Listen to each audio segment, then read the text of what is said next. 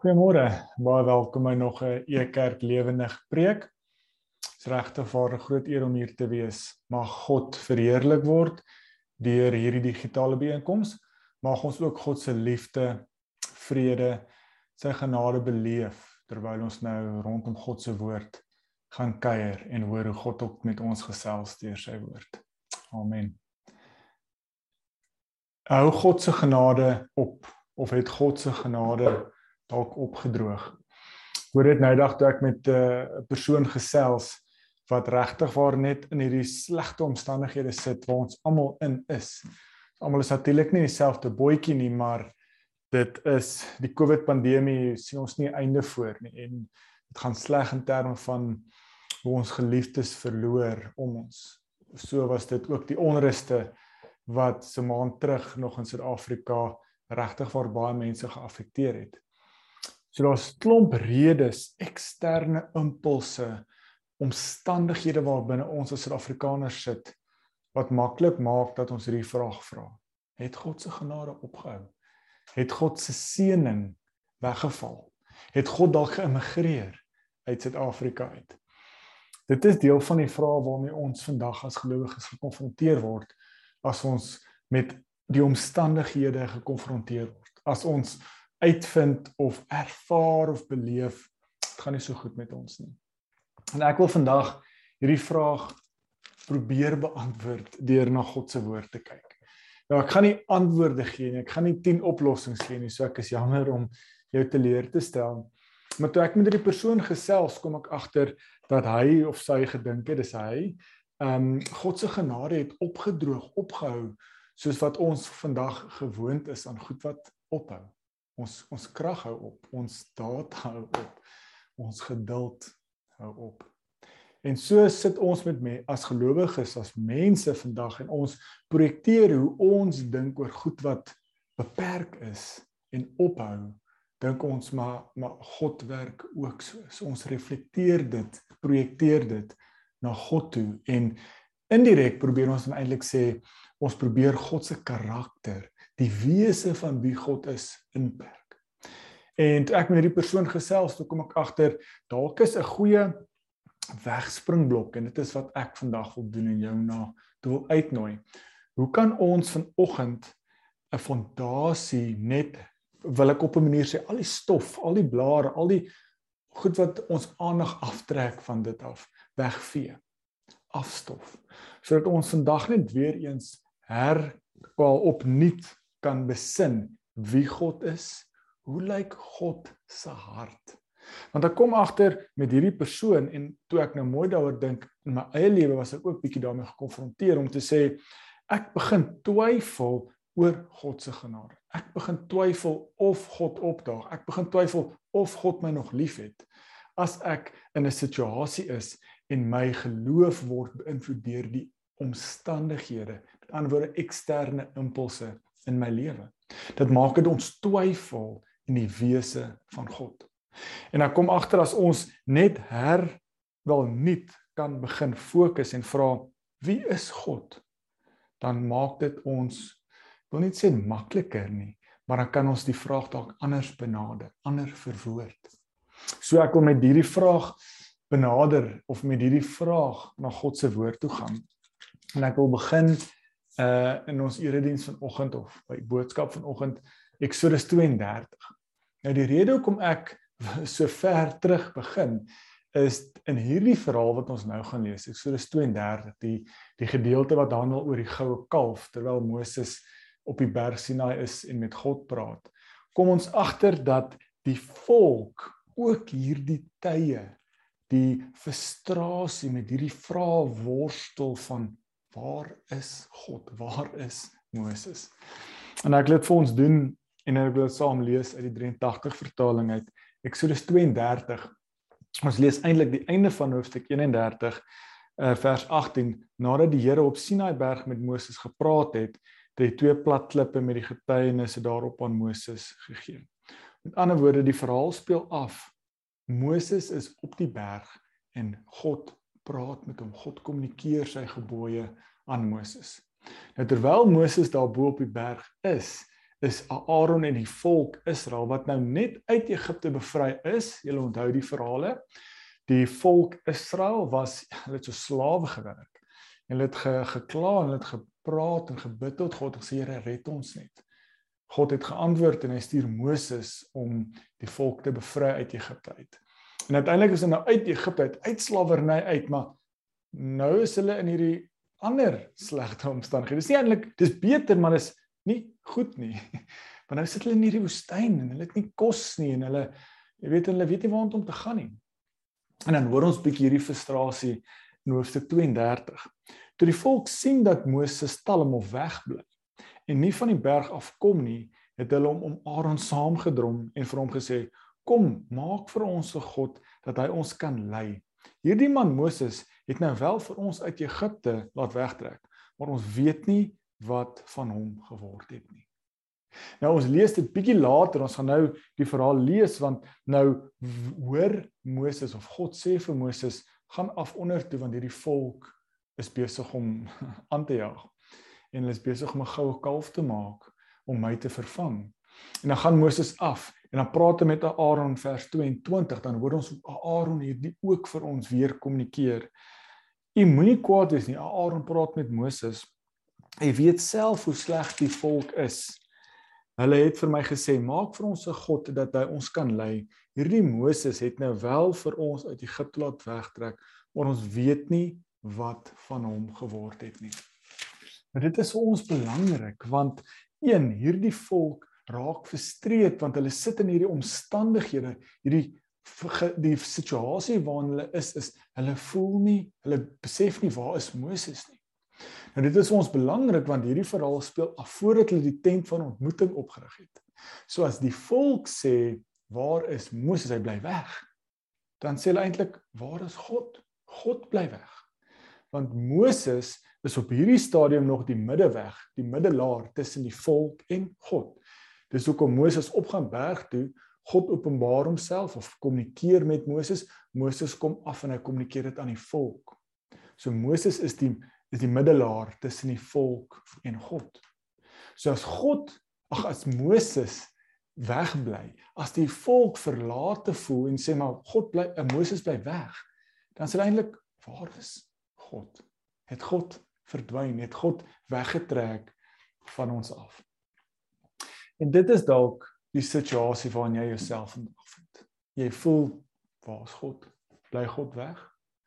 So ons kan so maklik in vandag se tyd in dieselfde situasie beland of voel soos wat die volk hier voel en sê maar God het ons dalk nou al bevry, hy het ons geseën, hy het dalk al inspraak gegee in ons lewe, maar nou waar is hy? Ek hou aan bid en my knie sal deurgebid. Ek hou aan smeek en ek hoor niks. Waar is God? Het sy genade dalk opgedroog? Het sy genade dalk uitgegaan soos wat Eskom se krag soms uitgaan? En dan lees ons 'n baie belangrike verhaal in die teologie van die Nuwe Testament en die Ou Testament, maar die beginpunt en dit kommunikeer vir ons iets van God se hart en dit is waarop ek wil fokus vandag. Maar ook aan die ander kant natuurlik die kom ons sê met nou maar die ongehoorsaamheid van die volk, nê? Die mense wat aanhou sonde doen. En dis hoekom Eksodus 32 tot 34 so 'n belangrike boublok is in ons teologie. En nou sê God vir Moses, gaan af onder toe um, want hierdie volk is besig om 'n kalf aan hulle is besig om die juwele op te smelt en en my te vervang. Dis eintlik wat hy sê. En ehm um, toe sê die Here vir Moses en ek wil vanaf vers 11 van Eksodus 32 ook vir ons lees. Want nou sien ons God praat met Moses en hy sê kom ons gaan maar terug na vers 9 toe. Verder het die Here vir Moses sê ek het gesien dat dit 'n opstandige volk is hierdie. Moet my nie probeer keer nie. Ehm um, ek is toornig op my volk en ek wil hulle vernietig. Dis God wat hierdie met Moses kommunikeer. Vir jou sal ek dan tot 'n groter nasie maak. So hy praat met Moses en sê jy Moses was hier vir jou sal ek 'n groot nasie maak. Maar hierdie volk, ek gaan hulle vernietig. God wil hulle verwoes. en nou hoor ons ietsie verskriklik mooi. Nou in vers 11, maar Moses het by die Here het by die Here sy God gepleit en gesê: "Here, Waarom sou u u woede loslaat op 'n volk vir wie u deur u groot mag en met kragtige dade uit Egipte bevry het? Waarom moet die Egiptenaars kan sê God het die Israeliete bevry met hierdie met die bose plan om hulle tussen die berge dood te maak en hulle heeltemal te vernietig? Laat u woede bedaar en wees u volk genadig. Moet tog nie die ramp oorlaat kom nie. Dink aan wat u met 'n eed beloof het aan u dienaars van Abraham, Isak en Israel. U het hulle gesê het ek sal hulle nageslag so baie maak soos die sterre aan die hemel. Die hele landstreek wat ek beloof het, sal ek vir hulle nageslag gee om vir altyd in besit te neem. In ander woorde, Moses pleit by God. Ek wil so ver gaan sê Moses draai God se arm laat hy wegdraai van sy woede af en laat God se genade na die voorkant toe kom te te te, te voorskyn kom as ek dit so kan stel. En nou lees ons toe die Here daarvan afgesien om die ramp waarvan hy gepraat het oor die volk te bring. So God, ag Moses pleit by God. Sê Here, wees asseblief laat nie woede bedaar, laat nie woede beperk word, maar wys vir ons u genade wat onbeperk is. En God luister. Sê iets van God se hart, nê? Nee. En nou as ons die verhaal verder lees, gaan Moses af onder toe, af van die berg en hy sien wat hier aangaan en hy raak woedend en hy tree self in en hy hy en die leviete wis eintlik maar amper 'n groot deel van die volk uit wat hulle rug gedraai het op God. En dan lees ons vanaf vers 31 wat Moses nou weer teruggaan en gaan pleit by God vir 'n tweede keer. Moses het toe na die Here toe teruggegaan en gesê: "Hierdie volk het 'n ernstige sonde gedoen deur hulle God van goud te maak. Vergewe tog asseblief hulle sonde. As dit nie kan nie, moet U my naam maar uitvee uit die boek wat U geskryf het."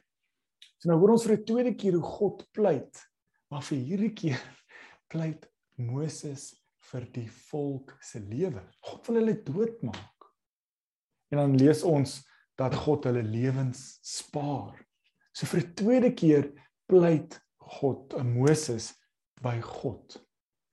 Laat hy sy woede beperk en hy onthul dat sy genade onbeperk is. So sê vir ons iets vir ons vandag, want een ons mag dalk in dieselfde situasie beland. Ons mag dalk resoneer met wat die volk Israel beleef. Waar is God? Het sy genade opgehou? Sy genade opgedroog? Ons mag dalk onsself in die situasie leef om te sê, het ek iets verkeerd gedoen? Hoekom antwoord God my nie? Hoekom openbaar God homself nie aan my nie? Het ek 'n sondige lewe geleef en dit is hoekom God sy genade onttrek het van my? Dis die woorde wat ek hoor as ek met mense praat in hierdie tyd wat worstel met wie God is of die eksterne impulse maak hulle twyfel en wonder, maar wie is God? Hoekom is hy nie kons consistent nie, sê die Engelse. Hoekom bly hy nie konstant nie? Maar ek wil dit omdraai om te sê God doen. En dit is wat ons vandag moet hoor om regtig vir net weer opnuut te besef wie is God? Om net weer eens te besef dat God se woede is beperk. Dis tydelik. Maar sy genade, sy goedheid is onbeperk. Daar is nie die Engelse ons almal sal hierdie nou ken in die tye waarin ons leef. God se genade is uncapped. Daar is nie 'n uiteinde daarvan nie. Jy kan soveel ontvang. Dit is vir jou gegee in oorvloed maar die huidige omstandighede, die eksterne impulse maak dat ons daarmee twyfel. En dit is die gevaar in ons tyd en ons gelowig in ons lewens as gelowiges.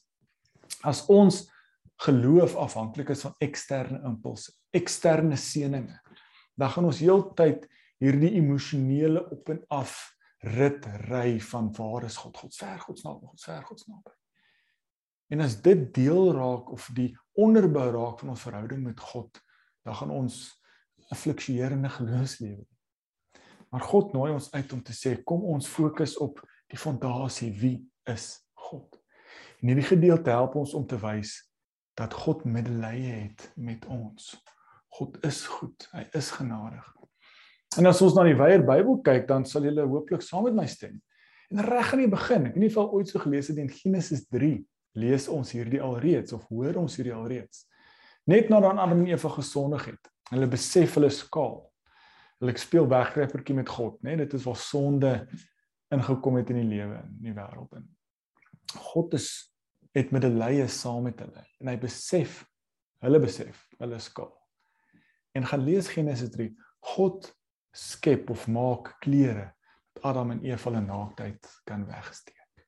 Nee, God het medelee met die situasie waarin hulle is. Dalk 'n beter situasie waarin ons tans ook vandag is is Jona. Jona 4, waar ons kan natuurlik nou die hele Jona gaan lees, nê. Nee. Stefan het vir ons baie mooi in Pinkstertyd oor Jona gepraat. Prof Jan het ook nou al vir ons 'n baie mooi boodskap gegee oor Jona. En ons ken die verhaal. God wil roep Jona en sê gaan na Ninive toe Ehm um, en Jona ignoreer God, hy draai sy rug op God en hardloop weg na Tarsus toe.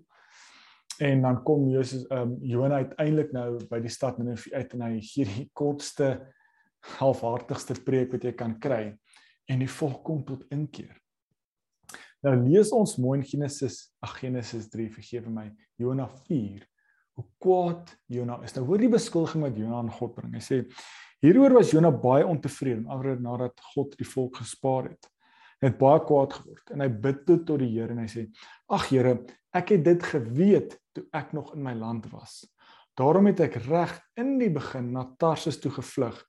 Ek het geweet U is 'n genadige en barmhartige God, lankmoedig en vol liefde.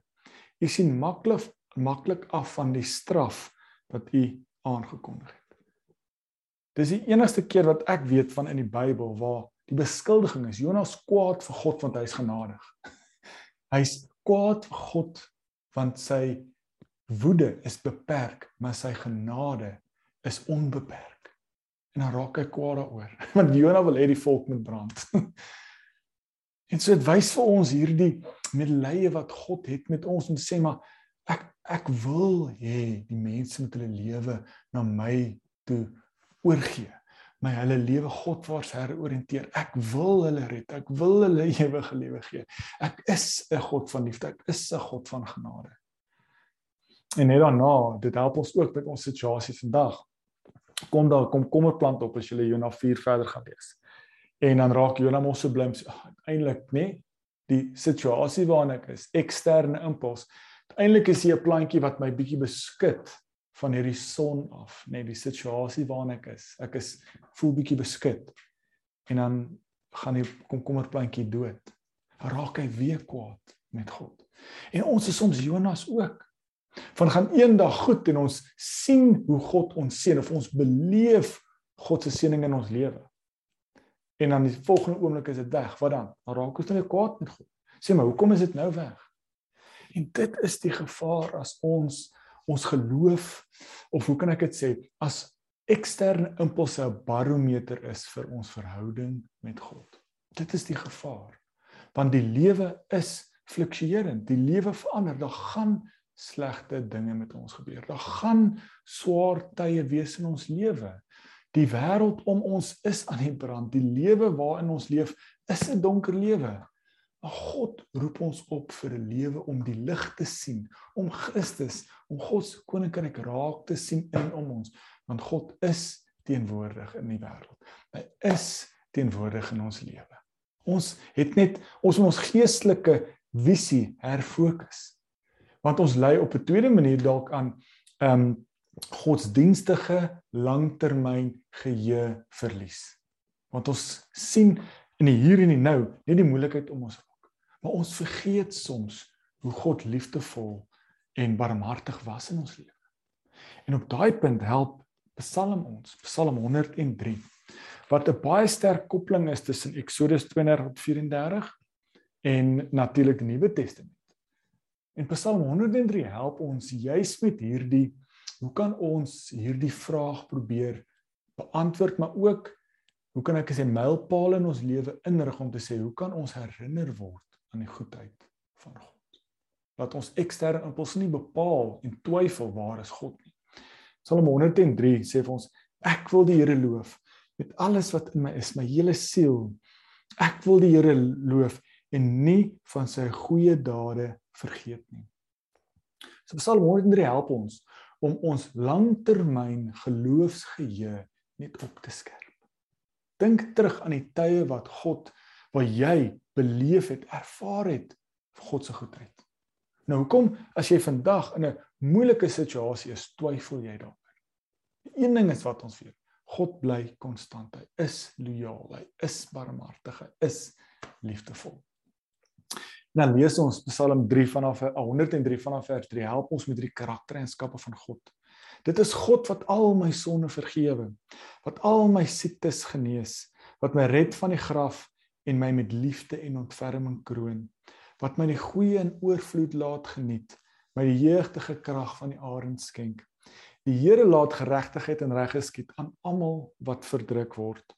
Aan Moses het hy sy wil bekend gemaak soos Eksodus 32:34 aan Israel wat hy van plan was om te doen. Barmhartig en genadig is die Here. Klink dit nie soos Jona nie? Lankmoedig en vol liefde. Hy sal ons ons sonde nie bly toereken nie en vir nie vir ewig kwaad bly nie. Hy handel met ons nie volgens ons sondes nie, vergeld ons nie vir ons verkeerde dade nie. Want so groot as die afstand tussen hemel en aarde is, so groot is sy liefde vir die wat hom dien. So ver as die ooste van die weste af is, so ver verwyder hy ons oortredinge van ons af. Soos 'n vader hom ontferm oor sy kinders, so ontferm die Here hom oor die wat hom dien. Dis 'n psalm wat ons moet laat moed skep om te besef wie God is. God is 'n God van liefde. Hy is 'n God van barmhartigheid. Net soos wat Moses God by God kan gaan pleit het om te sê Here, vergewe hierdie volk hulle sondig. Wees hulle genadig. Kan Dawid in Psalm 103 getuig daarvan God is 'n liefdevolle, genadige God. Dit is die God wat ek en jy aanbid. Hy sal nie een oomblik die genade afskakel soos 'n skakelaar en aanskakel die volgende dag nie. Ons moet weet God is genadig. En as ons twyfel daaroor, kom ons eindig met Romeine 3. Nou dit is die fundament, die fondasie van ons hele geloofslewe. Daarom ehm um, Romeine 3 vanaf vers 20. Daarom sal geen mens op grond van wetsonderhouding in die regte verhouding met God kan kom nie. Inteendeel, deur die wet leer 'n mens wat sonde is. So Paulus praat natuurlik hierso van juis Exodus, nie die verhaal van God het verwag die mens moet die wet onderhou en vanuit die mense optrede moet hulle van hulle kant af die verhouding met God herstel. Dit is Ou Testament teologie. Maar God is so goed. Hy's so liefdevol, hy's so barmhartig. Hy weet die mens gaan dit nie kan doen nie. Hy weet die mens is nie goed genoeg nie. So in plaas van sy woede onbeperk te laat losgaan en almal te straf vir hulle optredes, vir hulle sonde, wat doen God? Hy bewys hoe onbeperk sy genade is. En hy laat die strome van lewende water, die strome van genade oor ons lewe, lewe vloei. En hy stuur sy seun Jesus Christus aarde toe vir ons, vir my en jou vers 21 sê Paulus dit. Maar nou het God gewys hoe hy mense in die regte verhouding met hom bring sonder wetsonderhouding. Hiervan het die wet en die profete al getuig, net soos Psalm 103 nou. Almal wat glo, kom in die regte verhouding met God, juis deurdat hulle in Jesus Christus glo. Daar is tog geen onderskeid nie, want almal het gesondig het en het nie deel aan die heerlikheid van God nie. Maar hulle word sonder dat hulle dit verdien op grond van God se genade vrygespreek vanweë die verlossing deur Jesus Christus. Dit is die hoogtepunt, die kruin, die crescendo, die kulminerende oomblik van hoe God sy genade vir ons wys. En as jy ooit twyfel of God se genade ophou, dink terug aan Jesus wat vir my en jou aan die kruis gesterf het. Dit is hoe lief God vir my en jou is. En soos Psalm 103 sê, dis soos 'n vader wat homself ontferm oor sy kinders. Net so het God medelee ook as ons sy kinders moeilike tye gaan wat ekonomie, die ekonomie betref. As ons geliefdes afstaan aan die dood, as ons finansiëel moeilikheid het, as die eksterne impulse voel of dit inval in ons lewe en ons wil versmoor. God is 'n God van liefde. Die een ding wat jy vandag moet weet, is God is by jou. Ons as gelowiges verwag God moet ons red uit die moeilike tye uit. Maar God doen dit beter. Hy's by jou, saam met jou deur hierdie tye van swaar kry en onderdrukking. En hou vas aan die wete dat God 'n God van liefde is. Dat sy genade onbeperk aan jou gegee is. En waar jy vandag daar sit, kan jy leef, ervaar, voel aan jou lewe jy 'n vrygespreekte Christen, 'n nuwe mens is, 'n kind van God. En dit moeilike tye gaan kom. God vry waar ons nie van dit nie. Maar hy weet, ons weet, niks wat gebeur, niks wat gebeur met ons, niks wat ons doen kan maak dat God ons minder liefhet nie. Kan ons skei van die liefde van God nie. Hou vas aan die wete dat God se genade nie beperk is nie en dat God se genade in oorvloed in jou lewe uitgestort is, gaan beleef en ervaar dit. Here, dankie dat ons vir mekaar kan kom deur tegnologie reg oor die wêreld en bewus kan raak van u teenwoordigheid, van die liefde, van die goedheid, van die genade. Dit is baie maklik om dit in sekere tye op Sondag of wanneer ons stilte tyd doen, saam met u tyd te spandeer en bewus te raak van u liefde en die genade baie moeilik om dit te doen as die wêreld ons onderdruk en dit voel die wêreld slaan ons plat op die knieë. Here laat ons besef en herinner word aan u liefde en u genade en weet dit droog nie op nie. U genade is onbeperk. Net soos wat u genadig betoon het aan Adam en Eva en medelee gehad het en vir hulle klere gegee het. Net soos wat u vir Ninive gespaar het en vir Jonah gehelp om te besef moenie laat eksterne impulse um jou geloof op en af laat beweeg in jou verhouding met my beïnvloed nie. Laat ons nie soos die volk Israel wonder maar waar is u en in ons eie lewe goue kalwe oprig om u te vervang nie. U bly konstant, u bly liefdevol, u bly u bly God. Mag ons U loof en prys in tye van swaar kry en tye van onderdrukking en tye van oorvloed en tye van die goedheid beleef in die lewe. Here mag ons 'n konstante geloofslewe leef, 'n geloofslewe wat gebou is op wysheid, sodat ons kan weet U is God, U is liefdevol en U het al reeds dit vir ons in oorvloed bewys toe U U seun vir ons gegee het om ons vry te spreek en die verhouding met U te herstel. En ons vra dit in u groot en heilige naam alleen. Amen. Baie baie dankie dat jy ingeskakel het. Ek hoop julle het 'n wonderlike week verder.